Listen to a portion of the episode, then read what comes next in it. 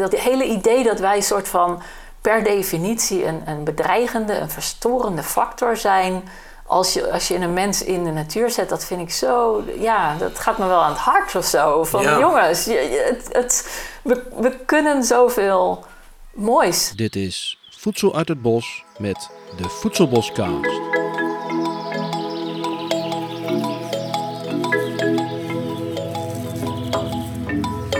Nou ja, gaan we beginnen. Is jullie zijn er klaar voor? Ja, we zeggen tegelijkertijd. Nou, dit is de Voedselboskast. Jouw tweewekelijkse update over alles wat te maken heeft met professionele voedselbossen en de pioniers die hiermee bezig zijn. Wij zijn Frank Gorter en Marieke Karsen van Voedsel uit het Bos en wij doen dit omdat wij de voedselbosbeweging toegankelijker willen maken voor een groter publiek. Voor ons staan de voedselbospioniers symbool voor de grote voedseltransitie van onderop. We nemen de luisteraar mee in het hoofd van deze pioniers en we willen alles te weten komen over hun diepere motivaties. Wat voedselbossen voor hen betekenen en waarom zij denken dat voedselbossen belangrijk zijn voor onze toekomst. Nou, we zitten met, eh, met iemand vandaag die ik heel erg hoog heb zitten. Nou, in ieder geval eh, pionier der pionieren. Eh, Ja. Pioniers der pionieren. Ja, een Toen van de haar, grote. eh, ja. toen ik haar eh, voor het eerst ontmoette, toen was ze al lang bezig. ja. Heel lang. Nee, wat ik ook later over haar, van haar gehoord heb, is ze inderdaad al een heel leven bezig met voedselbossen. En dat zijn er niet veel. Nee, zeker niet. En eh, ook parallel aan andere grote pioniers. Dus ik, ik ben heel benieuwd. Ja, we moeten natuurlijk niet een cv-gesprek gaan maken, maar er zit een heleboel achter Malika. Ja. Ja, Wanneer heb je haar voor het eerst ontmoet? nou, als ik heel eerlijk ben, ben ik een beetje zoekende. Maar ik denk dat het bij dat, ehm, ehm, conf- die conferentie van uh, Akker naar Bos eh, met Mark, Mark Shepard was. En dat jij aan het tolken was daar, eh, Malika. Ja. En zo heb ik haar ook als eerste leren kennen. Als Ja. een tolk, als een vertaler. Nou ja, later ontdekte ik natuurlijk dat er veel meer eh, Ja. eh, kennis zat. Ja. Ja, dus ik ben heel benieuwd naar deze podcast. Ja, zeker. En vooral, hè, los van het verleden, maar ook naar jouw visie op de toekomst, Malika. Dat, eh, ja, dat is altijd interessant om te horen. Ja. ja, ik heb Malika volgens mij voor het eerst ontmoet op Welna. In de schaapskooi met Grover Stock. En dat was wel een eh, ja, een life-changing moment voor mij. Grover Stock als persoon was natuurlijk echt... eh, ja, heeft mij echt met andere ogen doen kijken naar het bos. En daar waren we met een clubje mensen. Ja, hoeveel zijn we? Met z'n tienen of zo, denk ik. Waarin we ontwerpen ook hebben gemaakt. Eh gaan we het vandaag denk ik ook nog wel eh, over hebben. Over hoe moeilijk het kan zijn soms om echt te beginnen in de ruimtelijke ordening. Maar ehm, ja, toen hebben we daar rondgelopen. En ja, voor mij was dat echt een veranderend moment. Dat ik met andere ogen ging kijken naar onze ecosystemen en de patronen. En ja, eigenlijk hoe dingen met elkaar samenhangen. Dat heb ik echt toen eh, geleerd. En heeft mij ook gegrepen op een dusdanige manier dat ik zelf daarmee bezig ben gegaan. En daar was jij ook, Malika. Ja, dat Ja. klopt. Ja, Was dat voor jou ook een belangrijk moment?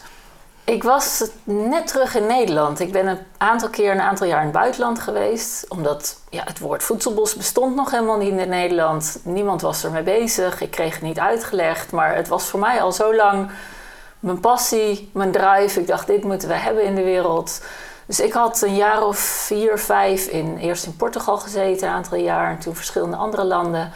En ik, was, ik dacht even terug op bezoek in Nederland. Eh, voor korte tijd om weer wat mensen te zien hier. En toen werd ik uitgenodigd voor die meeting met eh, Grover Stock inderdaad. Wouter van Eck was daar ook bij. zeker. Ja. Het was ook de eerste keer dat wij elkaar ontmoetten. En ineens had ik zoiets van, hè, jij ook hier. En jij ook met dit onderwerp bezig. Hij had zijn voedselbos toen nog Food Forest genoemd. Het woord bestond nog niet. Het was echt helemaal in de begindagen.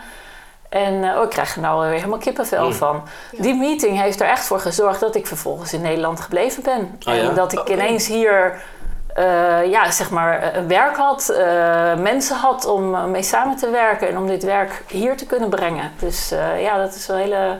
Het is me nog heel goed bijgebleven. Ja, Zeker. Voor, Frank Ja. was het dus ook een hele belangrijke Ja. meeting. Ja. Ja. Ja, maar op een, op een ander niveau. Hè? Want eh, voor mij, we waren op, eh, ja, op, op mijn plek.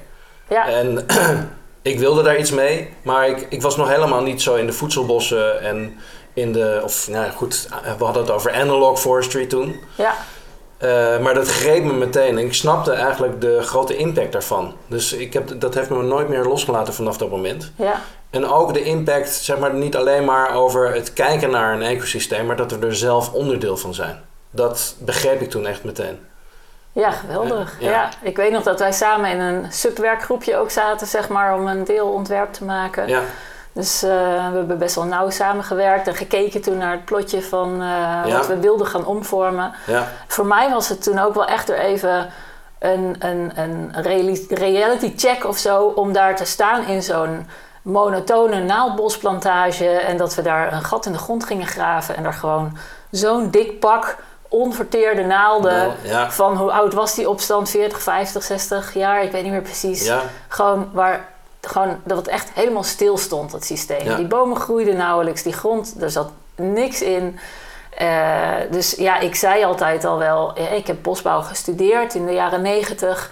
Van ja, dat Nederlandse bos, dat is eigenlijk niet echt bos. Hè? Dat is meer een soort ja, bomenakkers, zoals ma- maisakkers hebben, monoculturen, maar dan met Ja. veel naald, veelal naaldbomen. Allemaal dezelfde leeftijd. Dat is geen ecosysteem. Maar om dat zo te zien bij jou in dat bos, daar gewoon echt on the ground. eh, ja, dat was nog wel ook een keer voor mij een extra eh, Ja. drive om, eh, ja, om je werk van te gaan maken. Ja. Van hoe nodig is het en hoe weinig weten we hier nog van, zeg maar in Nederland. Ik was Ja. natuurlijk in, of natuurlijk, ik studeerde dus in de jaren negentig bosbouw en eh, ik ging soort van toevallig naar eh, eh, Rusland, of in eerste instantie Wit-Rusland, wat grenst hè, aan die Poolse oerbossen wat we hier nog kennen.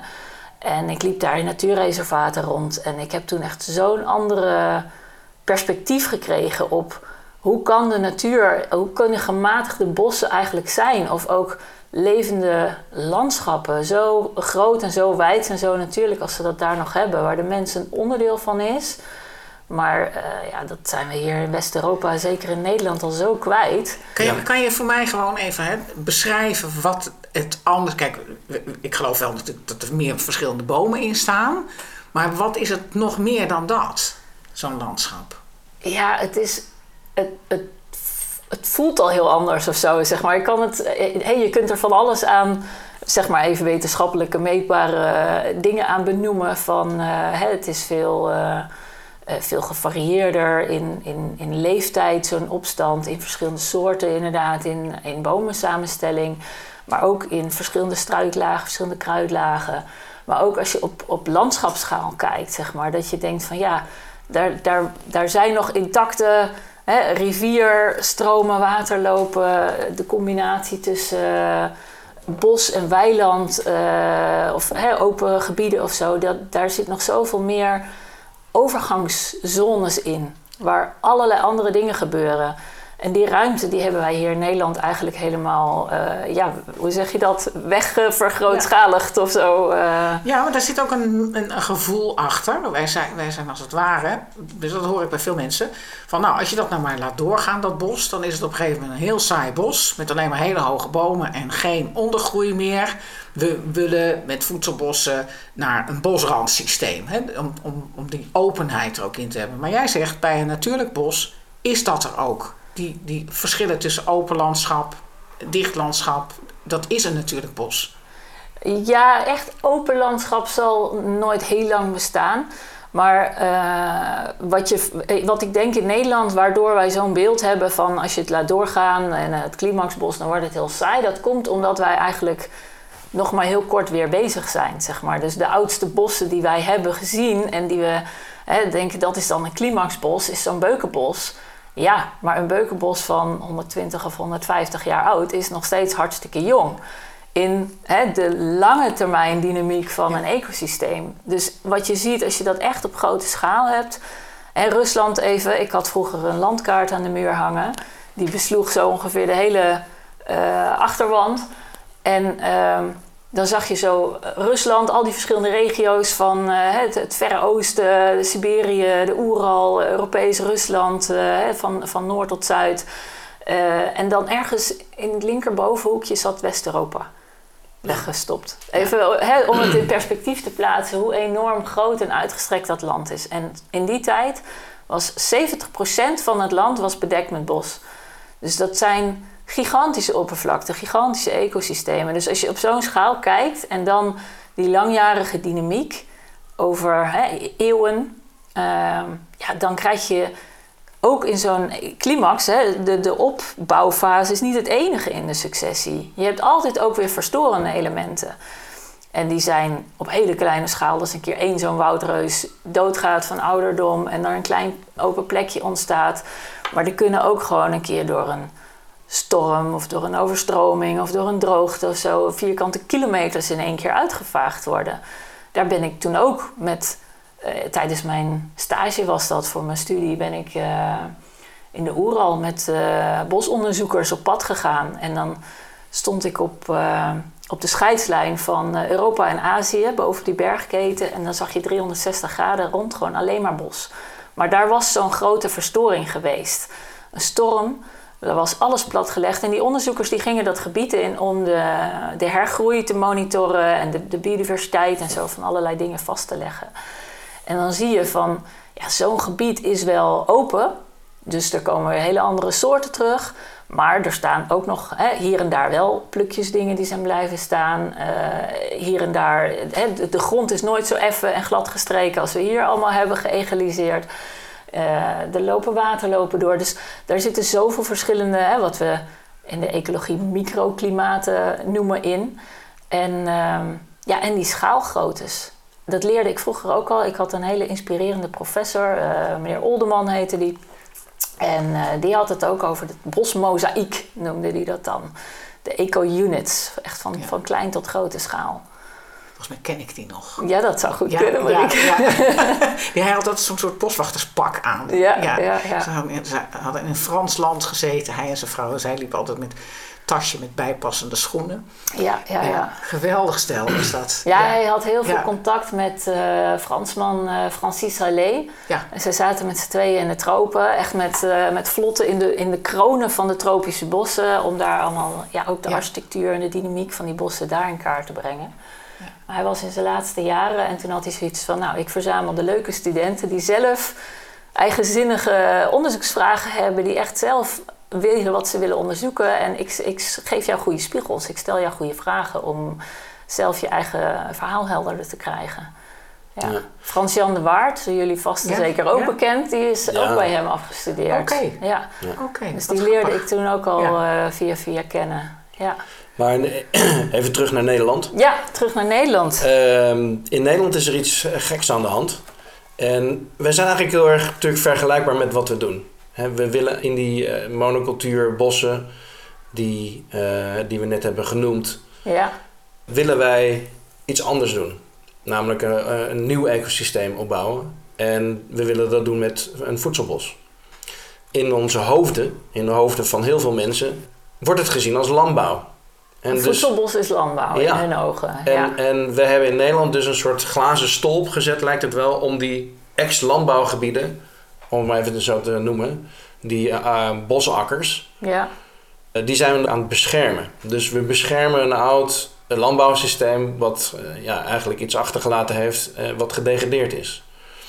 En dus zien we ook natuur als iets wat arm is. Dat is denk ik ook iets wat typisch Nederland is. Natuur is arm.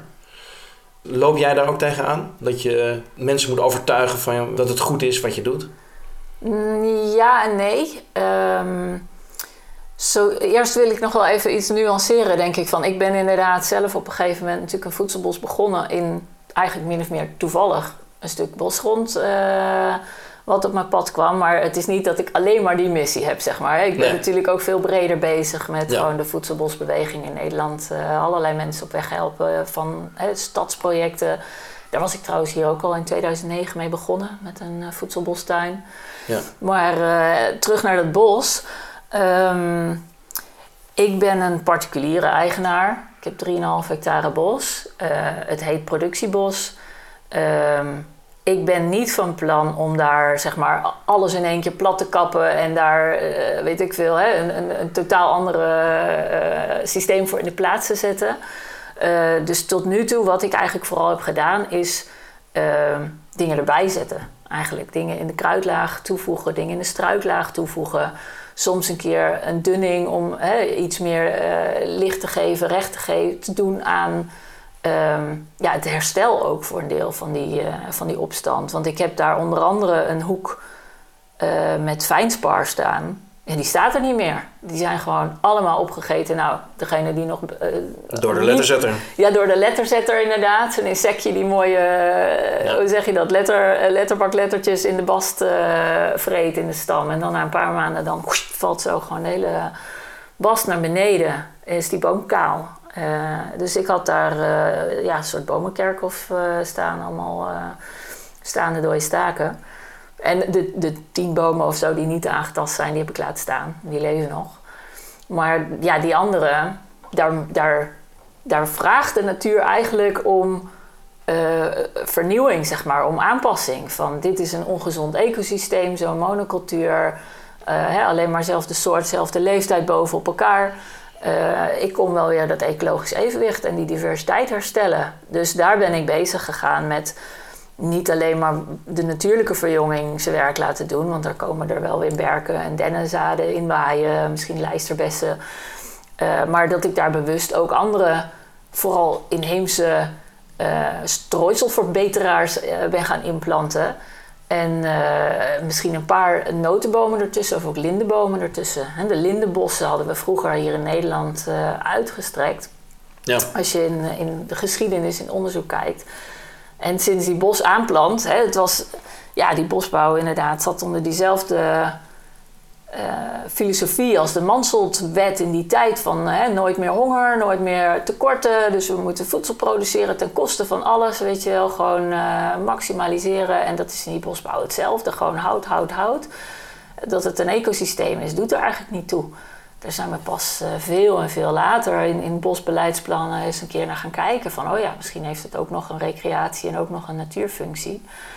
Maar dat, dat ja, bosbouw is natuurlijk iets van de lange termijn. Als je, bos, als je bomen plant, dan eh, zie je over 100 jaar misschien echt wat, wat, er, Ja. wat er van je systemen geworden is. Dus die verandering, eh, ja, die gaan heel traag.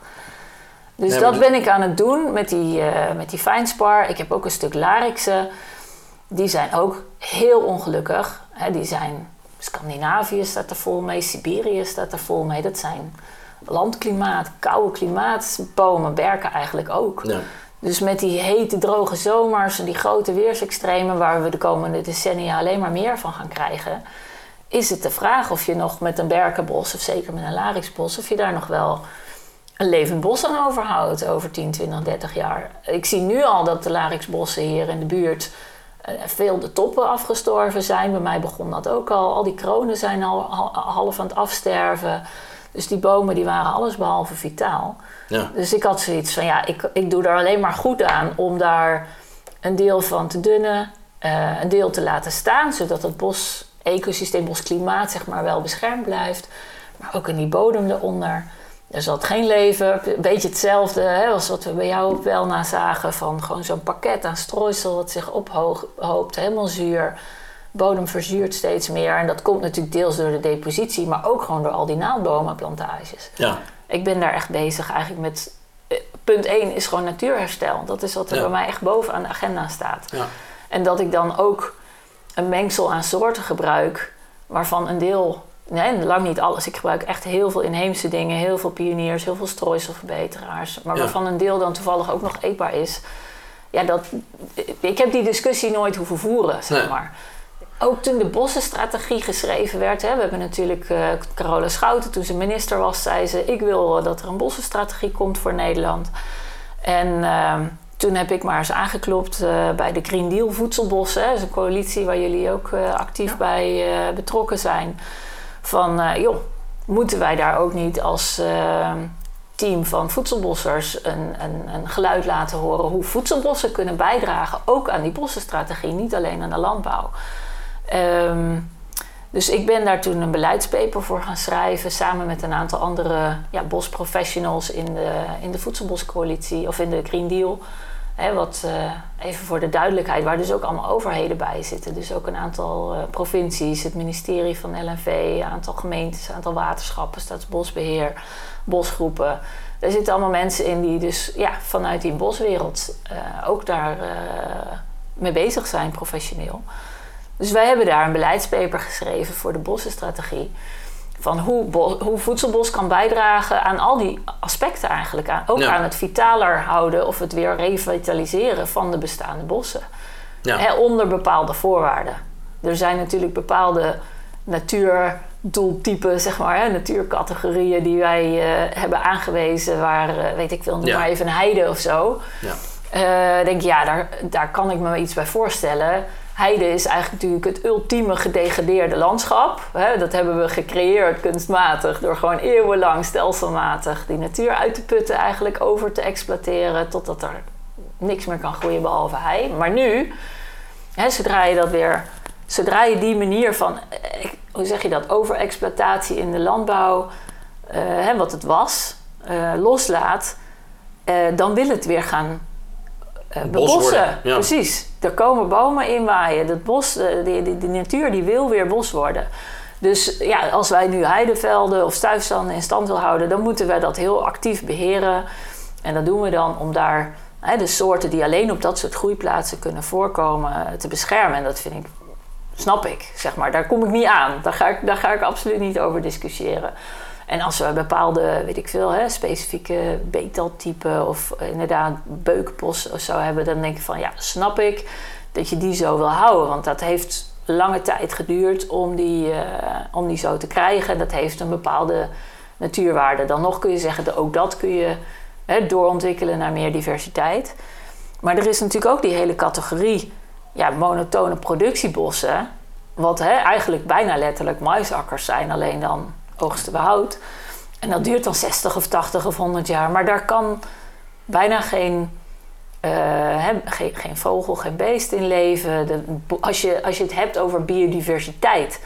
Het, het overgrote merendeel daarvan zit in het bodemleven, zit onder de grond. Nou, dat is echt zo bizar arm in dat soort bosopstanden. Dat ik denk, ja, het is eigenlijk bijna gek dat we dat ook gewoon natuur noemen. Dat we zo'n strikte scheidlijn hebben. Nou, dat, is, dat, is, dat is echt um, waar, waar je blijft roepen, zeg maar, hè, op dit punt. Want dit, dit zien mensen niet. Dit, dit, ja, er komt wel een steeds grotere groep mensen die het gaat begrijpen. Ja. Maar ik denk dat dat nog steeds... Uh, mensen zeggen, nou, het is daar mooi, het is daar stil, ik kan daar wandelen. We zitten daar niet aan als mensen, dus is het natuur en dus is het daar goed. Ja. En... Um, ik, ik snap jou helemaal. Wij, wij snappen jou helemaal. Wij, wij zijn dezelfde mening. Maar wat, wat zou jij nou als, als tip kunnen verzinnen, zodat. Nou ja, zelfs ecologen vinden het moeilijk om dit te begrijpen. Zelfs ecologen zijn geneigd, als wij niks doen aan dat bos, behalve dan eens in de 40 jaar eh, wat dunnen en kappen, dan hebben we natuur die we moeten beschermen. Zo, zo denken ze toch eigenlijk, ook over die productiebossen. Ik zou de ecologen ook niet over nou, één kam willen scheren, want er zijn er ook in allerlei uh, Ze vinden gradaties. het om eraan te komen. Ja, die, ik bedoel designer. Ja, inderdaad. Ja. Uh, er zijn er die zeggen van het is zonde om eraan te komen. Er zijn natuurlijk mensen nog die, die zeggen van het is economisch niet rendabel om het vaker dan één keer in de 40 jaar te gaan beheren. Want dat moet je allemaal weer verdisconteren en zo, bladibla. Ehm, ja, wat ik denk is, waar ik eigenlijk nog steeds nieuwsgierig naar ben en, en nog onvoldoende ehm, ja, lijntjes naar heb, die zijn er misschien wel, maar het zou ik graag tegenkomen, is een soort van ehm, weer de herverbinding maken met hoe waren bossen, maar dat kun je bijna niet zeggen. Hoe waren bossen in Nederland uh, voordat we ze zo grootschalig eigenlijk zijn gaan uitputten. Hè, we zijn natuurlijk al uh, wereldwijd, zeg maar even, of in het Westen in ieder geval moet ik zeggen, vooral 10.000 jaar geleden om en nabij begonnen met uh, de akkertjes, met de landbouw. Daarvoor leefden mensen van wat ze in het bos verzamelden. En dat was misschien niet zo dom en achterlijk en primitief als dat het vaak in de geschiedenisboekjes wordt, wordt voorgedaan. Maar daar, daar groeide van alles wat eetbaar was. Maar ook als je, ik ga toch weer even een ander uitstapje maken hoor. Als je naar de regenwouden in de Amazone kijkt bijvoorbeeld, daar komt nu steeds meer uh, over uh, kennis beschikbaar dat dat helemaal niet toevallig allemaal van die grote, overdadige tropische vruchten en, en, en, en eh, gewassen voortbrengt, maar dat dat een gecultiveerd systeem is in samenwerking met mensen die daar heel bewust de zaden verzameld hebben van de lekkerste vruchten en die weer in de grond gestopt hebben. Of stekjes genomen hebben van planten waar ze langs liepen op hun paadjes. Dachten van nou dat is lekker, daar zetten we er meer van. Dus dat bos is een superrijk bos-ecosysteem, super divers. Weet je, misschien is op, elke, op een hectare elke, elke plant, elke boom een andere soort. Maar toch is het een systeem met mensen. Wat mensen tot in, in lengte van dagen kan, kan onderhouden. Eh, hè, wat niet alleen voedsel, maar ook brandstof, uh, bouwgrondstoffen, Touw. zuurstof, eh, weet je wel, schoon water, een gezonde leefomgeving ook. eh, al die dingen geeft. In Nederland zijn wij al zo lang, hè, in de hele westerse wereld, eigenlijk overgestapt op wat je eigenlijk zou kunnen noemen een soort van eh, steppenlandbouw of zo, prairiesysteem. Hè, met open landschappen, met grote grazers, vee, eh eenjaargeteelte. Dat is hartstikke onnatuurlijk voor ons ecosysteem. En als je dat zeg maar even 10.000 jaar doortrekt, of misschien nog langer, dan put je je ecosysteem uit. Je, je, je, je gaat van een bos terug naar een woestijn. Kijk naar het Midden-Oosten, wat ooit het land van melk en honing was. Weet je wel? Ze zitten in een woestijn, ze hebben het gewoon opgeboerd. En dat zijn we nu eigenlijk op grote schaal ook aan het doen. We zijn het aan het opboeren. Ik Ja. vind het een fantastisch woord. Het is een soort, Ja. eigenlijk een soort Ja. mijnbouw, landbouw, zeg maar. Terwijl als je de natuur zijn gang laat gaan en daarmee meewerkt, dan kun je eh, opbouwen. Dan kun je de natuur elk jaar rijker maken. En rijker in de zin van dat zo'n vierkante meter of zo'n hectare gewoon meer eh, leven opbrengt per jaar. Dat er elk jaar meer groeit, dat er meer fotosynthese is, dat er meer biomassa komt, dat er meer leven in gehuisvest kan worden. En, en dus ook dat wij daar op een gegeven moment een plek in kunnen hebben en daar blijvend uit oogsten. Dat, het, dat zo'n systeem rijk en overvloedig genoeg is, dat het draagkracht heeft, dat wij daar ook van Ja. mee kunnen eten. Ja, maar dan kom je dus bij de kern van, van die, die, die, die gedachtesprong die, die mensen moeten leren maken. Ecologen, maar misschien ook anderen. Ja, Zij zeggen vaak, ehm, we moeten een hek om de natuur heen zetten en de mens daar buiten laten. En dan kan de natuur weer herstellen. En jij zegt eigenlijk, we moeten een systeem ontwikkelen van leven, van landbouwen, waarin de mens en de natuur juist samenwerken richting een steeds rijker wordend systeem. Jij bent niet degene die zegt we moeten in, in Schotland eh 500 hectare een hek eromheen, geen mensen er meer in. nou, als je op Schotland een hek zou gaan zetten, dan zou ik zeggen geen veder meer in. Ja, En kijken hoe lang het dan duurt voor we daar ook weer gewoon de bossen terug hebben. ja het is helemaal Eh, kaal. Ja, Ja, ja, maar dat komt door mensen. Dat is geen natuur. nee. Nee. En de bossen die wij hebben, het overgrote merendeel daarvan, is aangeplant. Is gewoon een menselijk bedacht systeem met een heel beperkt aantal soorten. Ja, als je een paar eeuwen de tijd hebt en je trekt je handen ervan af en je zet een hek erom, weet je wel, dan zal die natuur wel weer zijn eigen weg gaan vinden. Stel dat, nou, weet ik veel, de, eh, hè, de hele mensheid eh, even uit Nederland wordt weggevaagd, om wat voor reden dan ook, en we gaan over 100 jaar hier wel kijken dan zal niet alleen het bos, maar ook de landbouwgebieden en de steden en zo, daar zal een enorme diversiteit aan, aan natuur en aan, aan levensvormen zijn. Ehm, ja, dat, dat, dat, dat idee van een hek, dat, het, hè, van die, die absolute gescheidenheid, Ja. ook in bestemmingsplannen en op, op topografische kaarten in ons landschap, van hier is landbouw. En daar gelden bepaalde wetten en daar hebben we bepaalde verwachtingen, bepaalde rechten en plichten. En daar is natuur en daar gelden totaal andere wetten, hebben we totaal andere verwachtingen bij. En daar is zeg maar even stedelijk gebied en eh, ja, we hebben natuurlijk onze infrastructuur en al die dingen hebben we zogenaamd nodig. En daar gelden weer heel andere wetten voor. Ja, dat is, dat is absurd. Als je kijkt over de ontwikkeling van de mensheid. Wij zijn geëvolueerd midden in de natuur. Wij, wij zijn... eh, wij zijn daar niet los van te zetten. En, en dat hele idee dat wij een soort van per definitie een, een bedreigende, een verstorende factor zijn. Als je, als je een mens in de natuur zet, dat vind ik zo. Ja, dat gaat me wel aan het hart of zo. Van Ja. jongens, je, je- het, het, we, we kunnen zoveel moois ook. Ja, eh, als want we dat, het weer eh, leren snappen. Dat, Ja. dat schetst eigenlijk een misantropisch eh, wereldbeeld. Eh, misantropisch, dus eigenlijk dat we de mens zien als slecht. Ja, Eh, dat zit ook wel, voor, denk ik, gekoppeld aan ons kapitalistisch systeem. In die zin dat we ja, wonen, werken, winkelen op een manier dat ja, eigenlijk de verwoesting, om het maar even zo te noemen, in de hand werkt. Alleen we, we, we, we kunnen er eigenlijk zo weinig aan doen zelf, omdat we. Dus wat ik eigenlijk wil zeggen is, er zit dus een intrinsieke eh verbindenis tussen hoe wij leven en wat er gebeurt met onze landschappen. En eh, in zekere zin zou je kunnen zeggen, en dan ben ik wel benieuwd naar of je daarmee eens bent, is dat eh, door er een hek omheen te zetten, is het eigenlijk intrinsiek een kapitalistische daad. Omdat we dan zeggen, ja maar kijk, we kunnen er naar wijzen, daar zijn we goed bezig. Hier kunnen we gewoon verder doen wat we doen. Hè, we kunnen hier gewoon onze wegen en de bouwen, eh, de huizen bouwen, fabrieken bouwen.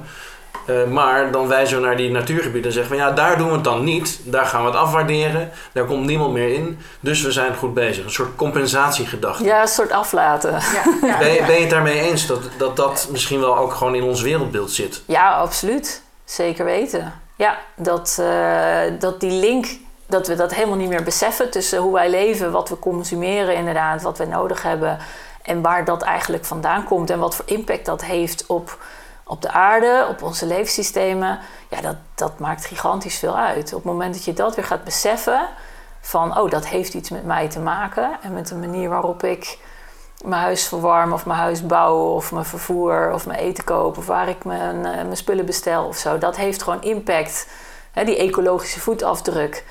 Als je dat, hè, het is één ding om dat zeg maar in cijfers en tabelletjes eh, en rapporten eh, ehm, te zien of eh, ehm, ja, te proberen te, te, te laten zien. Eh, maar het is iets anders als je hè, zo, zeg maar even de paar inheemse volkeren die er nu nog zijn, of, of hè, ja, tribes die een, een leefgebied hebben, die nog zien, letterlijk, voelen, weten van dit land is van ons, dit is van onze voorouders. Wij, wij zijn hiervan afhankelijk voor ons schoon drinkwater, voor onze voedselvoorziening, voor ons voortbestaan. Hoe bedreigd die zich voelen als die landen bedreigd worden, omdat ze gewoon snappen, ja, als dat weg is, hebben wij geen, geen bron van, van voedsel of van brandstof of van, van schuilplek meer of zo. Wij zijn die al lang kwijt. Je zou kunnen zeggen dat is ons al lang afgenomen, collectief. En dat zit zo ver weg dat we dat zelfs niet eens meer beseffen. Ja, eh, is dat iets wat terug zou moeten komen volgens jou? Ja, wat mij betreft wel. En dat is denk ik een ander punt waarom het ook nog een keer...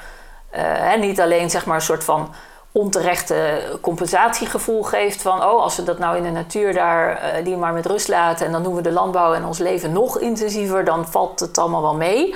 Ik denk dat het een ander effect is als je de mens zoveel mogelijk buiten de natuur probeert te houden... dat hij dat gevoel nog verder kwijtraakt. Laat mensen alsjeblieft in het bos wandelen en, en eh, weet je wel, in de rivieren kunnen zwemmen. Of eh, hè, voor zover dat veilig is qua stromingen en zo. Maar laat het, ja, laat mensen gewoon het contact met het, met het land, met het leven hebben, ervaren. En, en hè, voelen hoe dat is als je, er, eh, als je erin staat, als je er doorheen loopt, als je dat om je heen hebt, hoeveel je tot rust komt. Ook als stadsmens. Misschien duurt het eh, een week of een twee weken of zo. Want de natuur, er zit ook ergens natuurlijk heel primitief angst voor de natuur in ons wezen. Ja, Dus als we dat helemaal niet meer kennen. En je wordt ineens erger. Ja. ergens gedropt in een totaal wild gebied. Ja, dan wordt dat misschien alleen maar erger. Ja. Inderdaad. Ja, Want toch nog even enigszins structuur in dit gesprek ja probeer het. ik probeer het. Je kunt veel kanten Ja, op. je, hebt, je, hebt, je hebt bosbouw gestudeerd en op een gegeven moment Ja. ben, je, ben je echt gaan voelen hoe bossen horen te zijn. Maar ja. dan ben je nog niet bij een voedselbos aangekomen. Hoe, hoe is jouw link naar dat je zou moeten zeggen, we moeten eigenlijk landbouw gaan bedrijven in bossen? Want wat is een Eh, voedselbos? Ook volgens jou neem ik aan. Nou ja, als je dat zo zegt, landbouwbedrijven in bossen, dat, ik vind soms het woord voedselbos ook al een beetje misleidend. Ik zeg soms liever, eh, ik werk aan eh, eetbare ecosystemen of zoiets. Of florerende ecosystemen hè, die, die ook eetbaar zijn. Zoals maar- je het net beschreef, Ja, die bossen. Dat want weer- landbouw heeft Ja. ook zo'n associatie, hè, die wij er natuurlijk al nu, weet ik veel, een paar duizend jaar Ja. minstens mee hebben. Zeker nu de- sinds de industriële revolutie. En ik denk, ja, die landbouw, die wil ik niet in het bos gaan bedrijven. Dus die woorden, ik denk dat dat best wel wat uitmaakt hoe je dat vreemd, zeg maar, hoe je dat Ja. kiest. Om, om gewoon het, het juiste beeld, het uitnodigend, een opbouwend beeld te scheppen. En niet een bedreigend van, nee, oh god, we hebben al zoveel verpest met de landbouw. Gaan we nu ook nog die laatste stukjes natuur ook nog voor landbouw eh, gebruiken? Of voor ons, weet je wel? Nou nee, maar er worden heel veel Ehm. voedselbossen natuurlijk nu op landbouwgebied Ja. gestart. En dat zijn dan productievoedselbossen, hectare met een haagje eromheen en Ja. dan 16 soorten. Ja. Oh ja, dat zijn een, een vorm van de ja, nee, voedsel, nee, vele maar die, die, dus nu, eh, hè, dat, dat, is, Ja. dat is wat er nu, nu toch ontstaat. Ja. Ook als, als het niet bij Stichting Voedselbosbouw kom- vandaan komt, denken toch veel mensen dat als ze er een productief systeem van moeten maken, dat je het op rijtjes moet zetten, dat je het aantal soorten toch een beetje moet beperken en dat je de bloesemboog uit de hagen eromheen haalt. Dat, dat, nou ja, dat zien wij in ieder geval nu steeds meer langskomen, dat mensen er zo over denken. Ja, ik niet. en ik was dus heel benieuwd hoe jij daarover dacht. Ja. Nee, misschien, eh, hoe zeg je dat? Trekken we ook weer net een andere niche eh, van mensen aan. Maar eigenlijk heb ik heel veel mensen in mijn cursussen die eh, juist ook dat overvloedbeeld willen. Van ik wil zelfvoorzienend zijn met één of twee of drie hectare rond mijn huis. Of ik heb ergens anders een stukje land. Of ik heb iets met de stad, met de buurt of zo. En Dat trekken wij ook hoor. Vooral ook hè, sociaal zijn. Het moet, er, het moet er mooi uitzien. Het moet er divers uitzien. Er zit er misschien ook een stukje educatie in. Leren van eh, wat voor soorten zijn er allemaal. Wat kun je daarmee? Waar zijn ze goed voor? Ehm, dus ja, er zijn er zeker wel hè, hier en daar die zeggen van nou, het is wat efficiënter of, of makkelijker uit te leggen als ik het door anderen wil laten beheren of wil plukken als ik het op rijtjes zet. Want anders, eh, hè, als je moet gaan zeggen van ja, daar bij, eh, bij de derde den links en dan nog, eh, weet je wel, drie struiken doorlopen en dan daar is eh, die ene krent die je kunt oogsten, weet je wel. Ja, dat, dat werkt natuurlijk niet voor iedereen. Dan moet je echt je systeem zelf beter kennen om het op zo'n manier te doen. Maar ik denk zeker dat er, dat vind ik wel leuk, als we nou eens zeg maar vijf of tien of twintig jaar vooruit zouden kunnen kijken.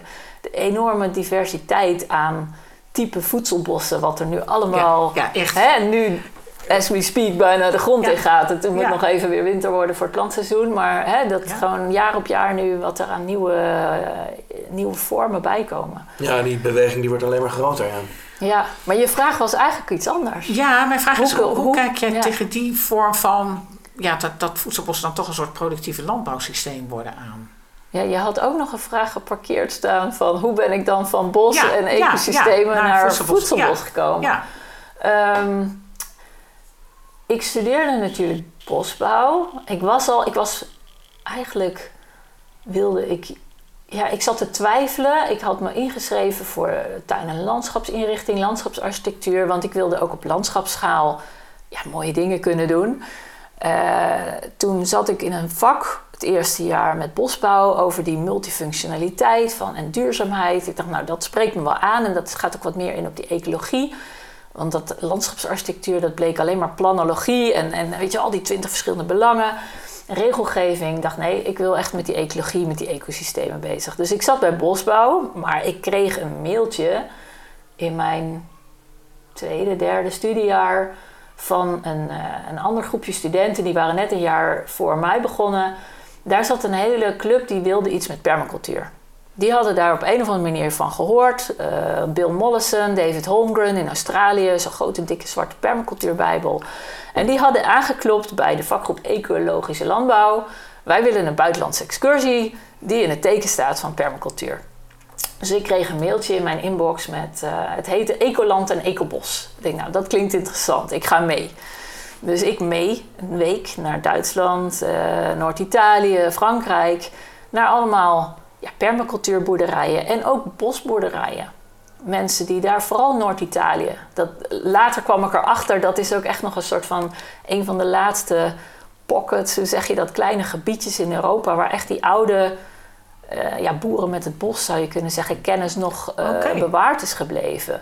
Waar ik dus met boertjes sprak die precies wisten van elke boom die er op hun land stond: van ja, van dat hout kun je dit maken en dit hout gebruiken we voor dat. En, en daar oogsten we dit van. En zo en zo verwerken we dat. En, en dit groeit in elkaar. En, eh, dus daar ging bij mij ineens mijn ogen open. ik hoorde voor het eerst van forest gardening. Hè, dat was het Engelse woord. Het boek van eh, Robert Hart. Die dat eigenlijk als eerste in Europa is begonnen. Ehm, dus ik zat toen ik weer thuis kwam. Nou, dat was een week daarna vloog ik naar Rusland voor drie maanden stage. Dus daar kwamen eigenlijk die twee ideeën meteen al bij elkaar. Van, eh, hè, van oké, hoe kun je dus met voedsel en bos combineren. En eh, hè, dat, de, de, de, langjarige robuustheid, flexibiliteit, veerkracht van zo'n natuurlijk ecosysteem. En elk jaar daar iets uit oogsten. Dat was het bij mij meer. Van hoe kunnen we ook elk jaar daar iets van oogsten in plaats van 80 jaar moeten wachten en dan één keer het hele systeem plat gooien. En toen ging ik naar Rusland. En ja, daarna kwam ik terug naar Nederland. En toen ben ik daar mijn afstudeervak over gaan schrijven op basis van dat forest gardening idee. Met een beetje hè, literatuur en voorbeelden die er toen waren. Eigenlijk bijna niks verder. Behalve die forest gardening uh, handboek of uh, wat was het? Uh, ja, meer soort van beschrijvend boekje van die Robert Hart in Engeland. in welk jaar is dat boekje uitgekomen? Oh, dat boekje weet ik niet. Dat ik het ontdekte was in 1997. Dus ja. nu echt op de maand af, 25 jaar geleden. Ja. Oké. Ja. ja.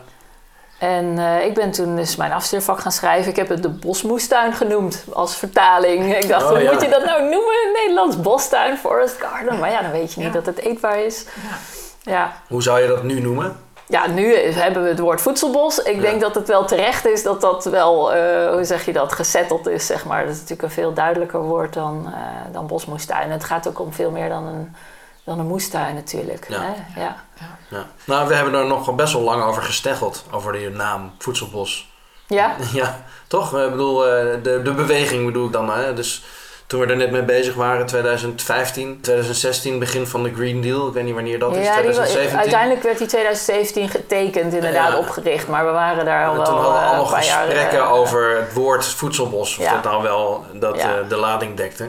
Dat klopt, ja. Ja. ja. En waarvoor dan? Wat is wel en niet een voedselbos? Ja. Ja. ja, er is sindsdien wel veel gebeurd. ja, zeker. Ja. zeker. Ja. Ja, ehm, ja we zitten alweer bijna aan eh, drie kwartier. Je Ja. merkt het. Ja, gaat snel. Net begonnen. ja. Ik wil ook eigenlijk gewoon nog heel lang doorgaan. Ja. Heb jij nog een, eh, een goede Nou, vraag? nee, maar ik wil eigenlijk nog even. Ik, ik zat natuurlijk een beetje te poeren wat Ja. jouw visie op het voedselbos is. En, ja. en als ik jou lees of hoor, dan eh, heb jij het eigenlijk over een soort ehm, gezonde ecosystemen rondom al het leven, inclusief mensen, waar, waar we uit oogsten, maar wat tegelijkertijd ook intact blijft. Zoals indigenous people Ja. eigenlijk. Zo zou jij het ook willen projecteren naar de toekomst. Hoe, hoe kunnen wij weer indigenous Europeans worden? Ja, Zo, ja, indigene Nederlanders. En, Dat, dat eh, is jouw missie. Ja, Dat- zonder dat we daarmee, eh, hè, denk ik, alle eh, inzichten en zo zomaar klakloos overboord moeten gooien. Maar wel gewoon echt het hele plaatje bekijken. Van oké, al die technologie, al die zogenaamde advances, al dat wereldwijd eh, eh, eh, de wereld overvliegen en zo. Van, kan dat? Hebben we daar het, het draagvlak voor? Werkelijk, als we echt alles, alles meerekenen. Ja, en wat ik ook op een gegeven moment soort van toevallig ben tegengekomen was ehm, de verbinding tussen mensen. Hoe, hoe belangrijk dat is. Dat, eh, hè, het kan het, van oudsher natuurlijk ook best wel een soort van verstikkend zijn met die dorpsgemeenschappen die allemaal iets van elkaar vinden en zo. Dat je blij bent dat je naar de stad kan en wat anoniemer leven hebben. Maar ik denk dat wij in Nederland wel een stukje te ver doorgeslagen zijn richting individualisme. En iedereen zijn eigen stukje en, en iedereen voor zijn eigen maximale interesse gaan, zeg maar. Terwijl ik denk dat we veel eh, meer draagkracht en, en flexibiliteit en een veel, hoe zeg je dat, Ehm, ja, beter leven kunnen hebben met z'n allen als we weer durven ons met elkaar te verbinden. Ja. En eh, dat iedereen gewoon op zijn juiste plek zit en, eh, en zijn ding kan doen waar hij echt goed in is. En ja, je, je andere dingen me- aan anderen kunt overlaten of elkaar daarbij betrekken of zo. Als je wat dit meer- beeld doortrekt, hoe ziet ons landschap er dan uit? Over pak een beet 40 jaar. Eh, ja, als het aan mij ligt, een soort, je zou het kunnen noemen misschien grootschalige kleinschaligheid of zo. Dat, eh, dat we weer teruggaan naar eh, plattelandsgemeenschappen waar heel veel leven is, waar gewoon heel veel ambachten misschien ook weer herleven, waar gewoon de mensen die het voedsel produceren dat op een, op een menselijke en natuurvriendelijke manier doen. Die twee die, die sociale en natuur die staan ook niet tegenover elkaar. Die kunnen elkaar echt helpen. Uh, ja, sowieso natuurlijk veel extensiever. Hè, in, in de zin van minder import-export en geslepen over de wereld. Maar gewoon veel meer produceren voor, ja, niet voor anonieme mensen, maar gewoon voor de mensen die hier leven. Ja. En zie je nog wel ook plek voor uh, monoculturen? Nee. Nee, helemaal niet? nee, wat mij betreft is dat het meest inefficiënte systeem ever. Waar je gewoon veel meer energie in moet stoppen dan dat je er aan calorieën uit oogst. Uh, het is, uh, je moet er continu energie in stoppen om, om uh, plagen te beheersen, om steeds de natuur weer tegen te werken, om dat in stand te houden. Dus waarom zou je dat in godsnaam willen? Ik denk als die fossiele brandstoffen wegvallen, en dat gaan ze doen. Hè, we zitten al over de piek heen, we zijn in een enorme steile afdaling, dan kunnen we dat niet eens meer. Al zouden we het nog proberen. We zijn gewoon totaal afhankelijk van, van kunstmest, van fossiele brandstof, om dat soort dingen te, te blijven doen op zo'n schaal. Daar moeten we gewoon vanaf. Dat kunnen we beter nu doen, ja. op een constructieve manier. Ja. Dan dat we wachten tot het helemaal collapst. Ja, ja en sowieso, hè, we zijn heel erg geneigd om met de bril van gisteren naar de toekomst te kijken. Uh, waarom moet het allemaal inderdaad in, in, grote velden van hetzelfde? Als we drones hebben die tegenwoordig ook, weet je wel, al kunnen ruiken wat ze moeten oogsten. Je hoeft helemaal niet meer in die oude tractor. En iedereen blijft nog ja. in die oude tractor denken. Zonder de tractor kunnen we blijkbaar geen landbouwbedrijf. Nou, dat is, dat is een. Ja. Daar begint het al. Nou, wat voor mij ook heel inspirerend is, je zegt inderdaad hè, de, de bril op de toekomst. Ik heb ook een boek vertaald, dat is in Nederland Saaien met Toekomst gaan heten. En dat gaat niet sec over voedselbos, maar eigenlijk juist ook meer over dit. Op landschapsschaal, hoe kunnen we nou uh, gezonde, diverse landschapssysteem opbouwen? Dat is gebaseerd op uh, Normandië. Dat is niet eens zo heel gek anders dan hier qua klimaat, zeg maar. En uh, dat zijn een, een, echtpaar, die waren helemaal geen boeren, maar die zijn daar, hebben een boerderijtje gekocht met een stukje land. Die zijn uit het niets eigenlijk gaan uitvinden, hoe kunnen we dit nou op een natuurlijke manier gaan doen? Dus ehm, die beschrijven daarin van uh, ja, het land was nog nooit op, op geboerd of geen gewas opgeteeld, zeg maar. Er, er, liepen een paar schaapjes op en als je 10 centimeter de grond in zat, dan zat je op de rots. En die zijn dat echt tot een paradijsje gaan maken. En hun motto, hun missie is ook echt, wij willen fossielvrij. Dus we doen alles met de hand. We gaan gewoon elke vierkante meter teelbed die we hebben gewoon heel optimaal gebruiken. Heel goed verzorgen dat we die bodem verrijken. Dat we er misschien wel drie of vijf of acht oogsten per jaar van afhalen. Ze zijn heel veel onderzoeken gaan doen waaruit zij ook heel snel ontdekten van ja, meerjarigen in plaats van eenjarigen zijn gewoon zoveel uh, efficiënter in wat het oplevert ten opzichte van wat het kost aan, uh, aan arbeid en aan inputs. Dus zij zijn ook veel meer om op agroforestry. En zij beschrijven dus in hun boek, in het eerste deel, eigenlijk hun persoonlijke reis. En dan beschrijven ze alle methodieken die ze erbij gehaald hebben, hoe ze dat tot hun eigen methode ontwikkeld hebben.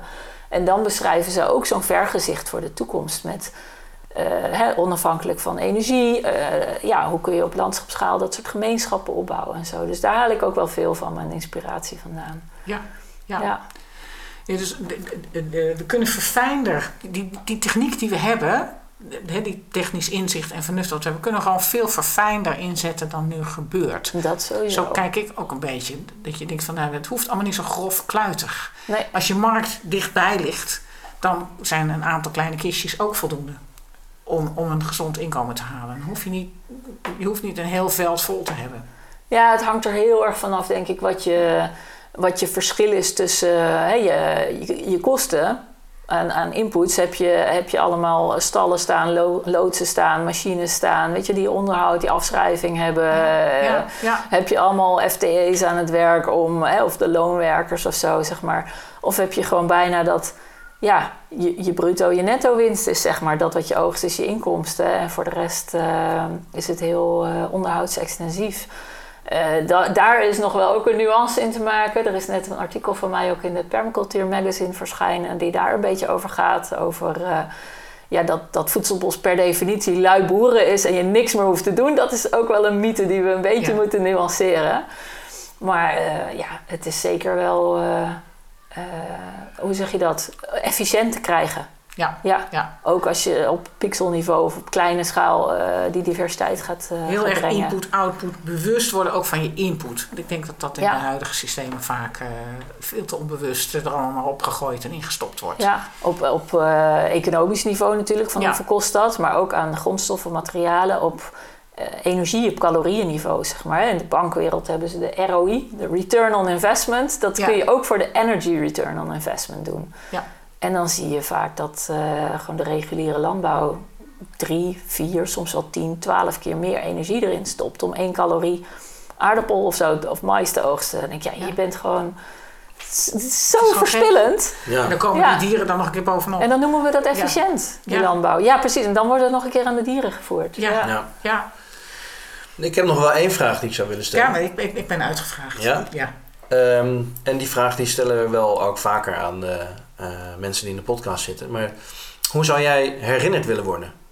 Oef, daar ben ik nog niet zo mee bezig. Nee? We stellen we die vraag vaak. Ja, Oké. nou, vaker. ik ben eigenlijk... Oeh, dat is wel interessant. Ja, ik ben niet zo een- bezig met mezelf, merk Nee. ik. Nee. Nee. Als mijn... Hoe zeg je dat? Hè, die, die, die, die visie waar ik... Ja, die ik een soort van... In, die in mij leeft of die ik in me zie, voor me zie of zo, zeg maar. Als dat, als dat gaat leven in Nederland en daarbuiten... en, en eh, hebben we gewoon als mensheid überhaupt nog eh, een, een gezond voortbestaan vinden... Dat, dat we deze tijden nog kunnen herinneren... dat we nog nageslacht hebben die dat kan... dan ben ik al lang tevreden. Daar, daar hoeft echt niet per se mijn naam aan te hangen. zo. Nee, nee, maar misschien kan ik hem anders stellen. Wat zouden komende generaties van jou kunnen leren? Ah. Eh.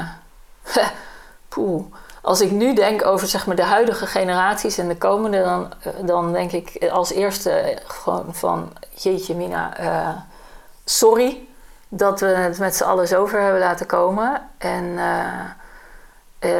hou vol of zo. Van, ik, ik hoop gewoon heel erg dat het. ja, dat, dat jullie de, de veerkracht en de inventiviteit hebben of zo. En, en deze, zeg maar even deze weg terug of zo, deze wijsheid van de natuur weer, eh, ja, weer, weer kunnen oppakken. Dat, dat er nog een kans is, zeg maar, dat, eh, dat we een toekomst hebben. Eh, en wat ik wel geleerd heb zelf, ik was, soms voel ik wel een soort van, ik was eigenlijk een beetje te vroeg. Toen ik, weet je wel, toen ik met deze ideeën rondliep, toen ik op de lagere school zat en hoorde over klimaatverandering en we voor de grap zeiden, oh dan kunnen we straks anders een kaartje sturen met eh, palmbomen en eh, groetjes uit eh, van Mhm. Roosendaal aan zee of zo. Toen, iedereen maakte er een grapje van en ik was echt fucking bezorgd. Sorry voor het woord. Ehm, ik heb me zo vaak depressief gevoeld of ontzettend schuldig gevoeld. Van hoe hard ik ook probeer, ik ben gewoon nog steeds onderdeel van dit systeem, van de vernietiging, of ik wil of niet. Ik kan hier niet aan ontsnappen. Eh, en ik denk dat heel veel jongeren dat nu ook zullen hebben. Van, eh, of eh, van nou, laat maar, of hoe dan, weet je wel. Ga niet bij de pakken neerzitten. Ik heb wel eens echt op het punt gestaan van, nou, ik, ik pas me maar aan of zo. Want eh, om te pionieren kost zoveel kracht en zoveel moeite. Maar het loont om wel vol te houden. En gewoon elke keer weer die hoop in jezelf op te zoeken. Het is niet een, een hoe zeg je dat, een, een soort van romantische illusiehoop van... eh, oh, op een dag eh, zal het allemaal wel goed komen en ik moet er maar bij wegkijken. Maar wel gewoon alles blijven doen wat je in je hebt of zo. Ja, dus je put, put hoop eigenlijk uit gewoon dingen doen. Door dingen te gaan Ja. neerzetten. Ja. Door te pionieren. Ja, en je te verbinden met mensen die ook die drive hebben en, en eh, ja, dat- die dat in hun hart hebben branden of zo. Ja. Nou, ik Ja. voel me ook verbonden met jou. Ja, zeker. Daarin. Ja.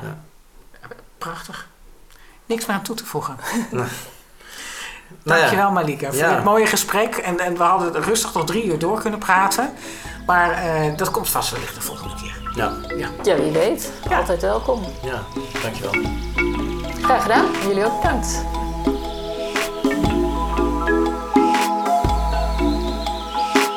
De Voedselboscast is een concept van Marieke Karsen en Frank Gorter. Techniek, editing en de muziek is gedaan door Frank Gorter. Verder danken wij de rest van de organisatie van Voedsel uit het Bos, Anje Poortman en Joep van der Wal. Mochten er luisteraars zijn die deze podcast willen ondersteunen, dan wordt het erg op prijs gesteld, want we zoeken nog sponsors. Stuur een mailtje naar info.voedseluithetbos.nl